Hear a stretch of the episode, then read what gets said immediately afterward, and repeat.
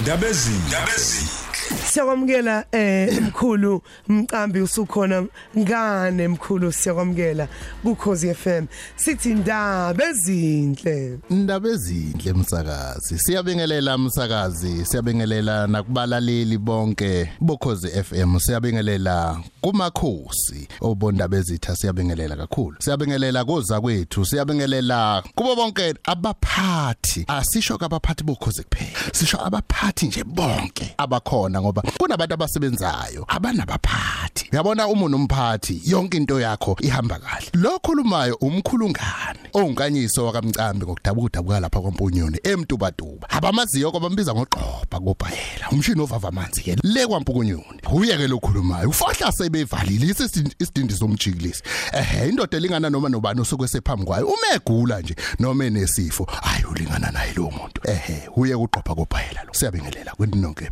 balaleli. Umkhulungane esibusisweni sikangwaqa ekhona mlalelo khozi yokuthi ngidlale lokhu bese singena kuyo ingxoxo yethu namhlanje ukuthi yini ezosifundisa yona yini esingezwa ngayo yini mhlawumbe ozoyilalela uthi hayibo into enjena ngaye ngayizwa noma ngeke yenzeka kumina noma usibanibani uluphi usizo ongalithola? Mbiko isiphakamiso imbono nezithembiso okungenzeka sivele kule ngxoxo. Akuzona ezomsakazo ukhozi FM nenhlangano iSABC ukhozi FM luhamba phambili. Mkhulungane siyakwamukela futhi ingxoxo zethu zihamba kahle kakhulu sifunda okuningi kuwena eh kakhulukazi mayelana nokuphiliswa komzimba womuntu wesilisa. Kodwa siya enyangeni futhi yabantu besifazane. Inyanga kaAugust siya kuyona nje inyanga ebirthday yami nami futhi ngiuzile madlala Oh Nkosi yami. Awu siyabonga siyabonga. Mahladlama chazela ehe. Mayelana naleyo zoxoxa namhlanje ayiphathi kuphela abantu besilisa. Mm, kodwa iyabaphatha futhi nabantu besifazane. Yeah. ekakhulukazi mebe nomdlelwane thizeni. Yeah. em uyabona nje emndenini beshadene noma abantu bethandana. Mm, noma bengashadile emsakazi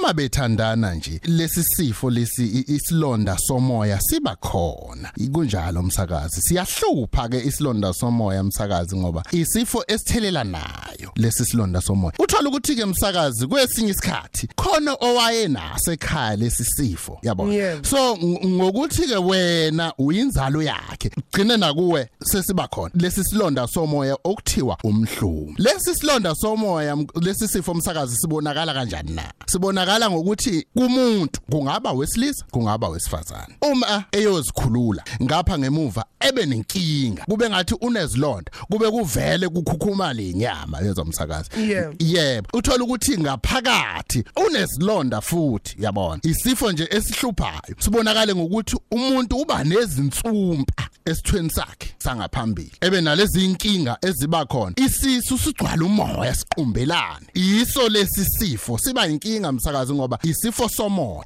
esifuna ukuthi uma selashwa selashwe ngempande yomoya. Hayi mawenze njalo hayi sisho sonke sithi konke kamoya kuyenzeka. Konke kuyamoya kuyenzeka. Kunjalo nkosi yami. Ngiye ngithi ke mina ey umuntu ongamazi umkhulungane abuze kumakhelwane wakhe ngoba kuye kube ukuthi akamazi nje yena kodwa umakhelwane wakhe uyamazi.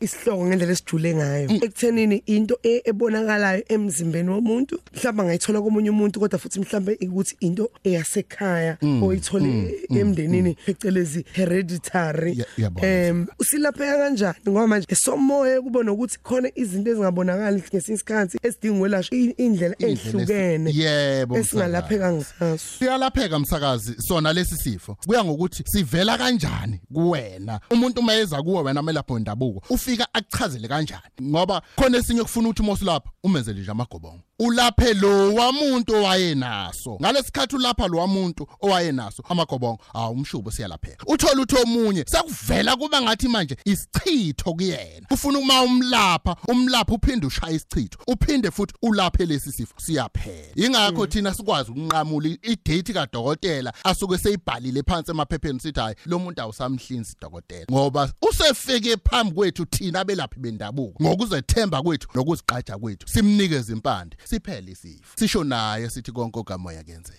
Uyabona uma ukhuluma ngokuthi singatholakala kumuntu othandana naye. Eh, yabona izifo ezithelelana akuve ziningi. Sikhuluma ngama STD okunye kuyalapheka okunye uthola ukuthi uyinto oyimanejayo impilo yakho yonke kodwa Kuyaphileka. nayo. Uma uyinakekela uyi- uyabona uyibheke uyibhekisisa Yabona msakazi. eh uyisukumela futhi. Khona okunye ke emsakazi okuye kuthola ukuthi kumphethe njengomuntu wesilisa. Ake ngithathe nje ngokuthi umuntu wesilisa umfanisa noqozolo umuntu othi noma ezubhlungu athi "Mm, mm." angafuni ukuthi azi kahle ukuthi lobo buhlungu ufanele aye kudokotela afika abushawa udokotela noma aye eclinic emtshene umuntu wakhe lo abamsene naye uthi hayibo hamba phela uye kudokotela athi hayi ngisebhizi ngomsebenzi uyabona Nkosi I- yami. abantu besilisa bayaphuza ukuthatha inyathelo noma ukusukuma. Ake ngithi nje basukume bayemtholampilo nangumuntu wesilisa ubanjwe lesi sifo noma ubanjwe idrop. Ngoba omunye uye efuna ukuthi ahambe engagqokile uyabona Nkosi yami. so kanti ufune kujazi mawukuthi indoda phela kuyenzeka iphunyuke idlule la idlula khona. Uthola ukuthi ngesikhathi idlula la idlula khona siyakutapha siyakuthola lokhu kufa ke ake ngithi lokhu kuthiwa umhlume. Omunye ukuthola kanjalo. Ngesikhathi akuthole kanjalo usebuya nakho usezothelela uphathina wakhe Ekhaya. asemthelele ekhaya. Eyi, uyabona ke Nkosi yami. sekuya usethelela nengane ngoba ethelela uphathina wakhe nje usethelele nengane. Kanti lento iba inkinga msakazi uma isikuphethe ngoba kuyenzeka abantwana uthola ukuthi uyabathola abantwana ubatholela phansi. Njengoba ngisho ukuthi usuke efuna ezinye izinto eziqondene nezesichitho uyabona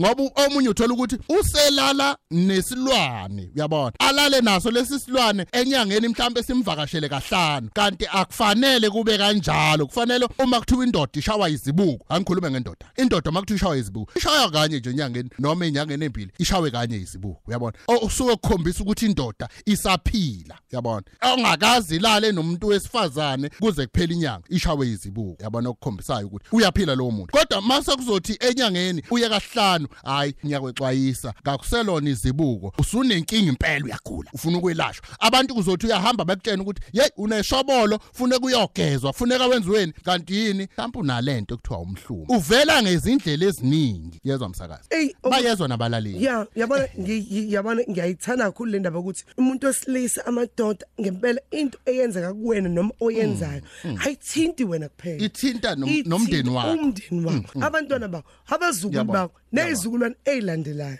ayigcini kuwena. Yabona. neyinqumo nje esiyithathayo sabantu siphila emhlabeni. Yebo. azipheleli la. Ngoba ngelinye ilanga izinto othi uzenza seyithelela sethelela aba- wonke abantwana umuntu. Mm. Inkosi yami. ngoba abantwana fanele bekhule kahle njengoba ngiye ngisho umsakazi ukuthi mina ekhaya fanele kushaya umoya. Ekhaya fanele ngisho uphuma ngo12 ebusuku kube ngathi uphuma ngo1 emini. Hayi uthi uphuma ekhaya khona izinto eziphazamisayo. Cha khululeka nje nabantwana bekwazi ukukhululeka. Ziyaxazululeka inkinga impela. Ayikho umsakazi into engalungiseki. Uma umuntu ephakama ethi into ethile ngifuna ukuyilungisa. Noma ukuthi iqondene nomelapho wendabuko aye kumelapho wendabuko aqonde kuye ngqo. Njengomkhulu ngane nje uyethi hamba uye la uyakhona uma ungalithola usizo ngoba phela bavela mva kumkhulu ngane bese efika ngoba ugqozolo masufika kuye ubhayele ufika shaye konke nje. Sisho sonke sithi konke kamoya kenzeka sesogoqa naye eh, umkhulungane uyatholakala ku WhatsApp 0736159253 0820794327 incingo lezo 0820794327 yabona nje ukhuluma ngeyithandani nani nani nani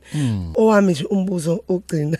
Yebo. njengomuntu omusha. Yabona izinga lokushada lehlile ngendlela indlela emangalisayo. Dala abantu bebethandana bebebona ukuthi izinto yabona ziyahlangana bavele umuntu amthatha umuntu wakhe kuyonke into ibe yinhle noma inkinga zingaba khona zixazululeke abantu bangenelele basize baneleso seseko emndenini ukuthi akudingi ukuthi baze baphume. Yabona. uyabona ngenxa yenkinga nani nani Yabona. bahamba hamba hamba hayi ke manje. Ayi. hayi abathathana abantu manje. Kwenzakalani mkhulu? Angichazele uthola ukuthi amadoda ancamela ukukipita Yeyi. umuntu athandane nomuntu iminyaka eyishumi omunye uthola ukuthi uya engage iminyaka eyishumi Yabona. akakushadi nale engage okusho ukuthi uthembisile kodwa hayibo Mm, akusabonakali manje ukuthi kini yabona mina nje ngiphatha buhlungu leyo nto nje Ey Ha. wathinta msakazi indawo enzima asingajuli nje eh u- kafishane nje indawo enzima mkhulu. kodwa akufune sishaye phansi kodwa Please. fanele sishayele phezulu Ngiyacela. eh msakazi into elimaze kakhulu manje ake ngakubeki kakhulu lokho kwamalungelo. Ake ngikubuke ngikubeke nje ngikubuke ngikubeke eceleni. Into eshaya kakhulu manje ebantwini bashawa ukuthi abantu besimame banalento yokuthi athi uyabona mina noma umuntu engangithatha uma sike saxabana ngiyamshiya ngithola omunye. Uyabona lapho umuntu wesifazane uyabamba uyayeka uyabamba uyayeka uyabona. Abanye baye befike kumkhulungane bethi emkhulungane yazi nginenkinga. Ngisabathe ngithi ngifuna umuntu angimtholi ngithi ngifuna umuntu angimtholi bese ngimtshela ukuthi hayi uyazini umkhulungane mawukhuluma naye ngaleyo nto. Kufunela usho ukuthi ngifuna umuntu osibani bani esizokwakha naye umuzi ngesikhathi sakha naye umuzi siyaphambili sizothola abantwana. Bese ngimtshela lo muntu ukuthi konke kamoya kuyenzeka. Ngisho kuthiwa umuntu ufika kumkhulu ngani uthi ngixabene nomuntu wami wesifazane. Ngesikhathi sizohlala naye phansi sihlala phansi sikhuluma ubudoda. Siyakhana siyabonisana. Sibabili siphuma nempendulo uthe ngifonela ngakusasa ethi hayi sihlalele noma wengane. Yabona nje umsakazi okufakazela lokhu ngesonto elizayo ngomhla ka7 August kuzobe kufika abantu abathi mina ngifuna umshado mina ngifuna ukwakha um- emuzi mina ngifuna umsebenzi. Ngifuna labo bantu labo umsakazi abanjalo uyabona? Ngomhla ka7 okuzothi kuphela lenyanga yona August labo bantu bebe besebenza. Labo bantu bebe besho ukuthi mkhulungane nakhu umuzi sekuthiwa nkosi yami kiwe ekhaya kuyocelwa. Cela nawe uthi ube khona. Ngithi uyabona sikhuluma ngento eyaphambili Yezwa. sakha imndeni sakhe imndeni chazela Yabona. nje. Yebo, msakazi. sakhe isizwe sakhe is- uyabona msakazi uma ukwazi ukufika emzini womuntu kuthiwa kunendle yodwa kulala khona izingane zakhona nomama bakhona nabafana balala khona kodwa bethi bekutshena bethi hey sesisuse phela u6 room lapha ekhaya. Ngokufika kwakho nje uzonyathela. Angithi uyayibona leyo nto leyo kusho ukuthi khona okwenza. Ingakho mina ngiye ngitshena umelapho wendabuko ngithi umelapho wendabuko ngokuba khona kwakho ithongo lakho lekwethemba zethembeke wena manje. Konke okwenzayo wazi ukuthi ukwenziswa yithongo lakho. Ngalesikhathi likunika amandla liyazi ukuthi hawu, emhlabeni salethe indoda angeke asize nyezi ngayo futhi asehleli phansi. Okufanele ukuthi nayo siyiphakamise emsebenzini wenzayo iqhubeke phambili Eh emkhulu mcambi imkhulu ngane utholakala kuphi nendawo? Siyabonga kakhulu Umkhulu- isikhathi sakho nolwazi lwakho. Siyabonga kakhulu. Umkhulungane utholakala emlazi kwathi ehostela okwamanje? Uyahlola? Uyelapha? Wenzela khona lokhu emlazi. Kodwa abantu laba abasuke sebehlula odokotela lezi zifo ezithanda ukuba nzinyanyana ngoba masuphambi kwakho ugqozolo wenza lokho okufanele kwenze magula umuntu uyaphila. Yingakho ke sisho nabo abantu sithi konke okukamoya kuyenzeka. Ngoba ngalesi sikhathi sikhuluma nje umsakazi kunabantu ab- abalele embhedeni kodwa isiqamelo simanzi zinyembezi. Uthola ukuthi lapha embhedeni kulela umama nobaba. Uthola ukuthi laba bantu abasakhulumisani ngisho ukukhulumisana Nkosi yini na? Omunye mhlambe yiso lesi sifo. Kodwa maye efika phambi kwagqozolo sihlala phansi asichaza ukuthi ah inkinga ayinansi. Sesihlala phezulu kwenkinga. Iyalunga umuzi wakhe njalo. Uthini lo muntu? Usesho kanye nathi uthi konke kamoya kuyenzeka. Yingakho kuyisibusiso konke sikwenzayo indoda ingayifihli inkinga. Indoda mayiphakame. Indoda ayingadebeseli ake ngibeke isibonelo umsakazi indoda ke sithi iphethwe idrop. Uyasho umuntu wesifaz- wesifazane ngoba ngesikhathi ephethwe idrop nomuntu wesifazane somphatha maye yalapha emtholampilo bazomnikeza lokho kwisigqebhezana kuthiwa nikeza ubaba wakwakheza Yebo. ugoloza khona lokho ahamba afunela lezi zinto azifunayo nani nani. Hey, yabona? Nkosi yami. omunye uthola ukuthi umsakazi usewaphila ngamaphilisi. Ukuthi ayi uvusa imizwa nje usesebenzisa amaphilisi. Amaphilisi nawo lawo afuna ukuthi uwakhuculule uwasuse ngoba adala nesifo ewodwa. Hawu siyakuthanda umuntu wesilisa siyakuthanda ndoda emadodeni. Sukuma. Umele ubudoda. okuthile. Ey Kunjalo. nkosi yami. Yeah. siyabonga mkhulu ngane umcambi kukhozi FM inamba atholakala kuwe mkhulungane. U073 615 9253 eno WhatsApp phakathi. Enye ithi 082 079 4327 082 079 4327 inkosi nibusise ndabezini njalo ngesonto kusukela ngo12 kuya ku3 ekseni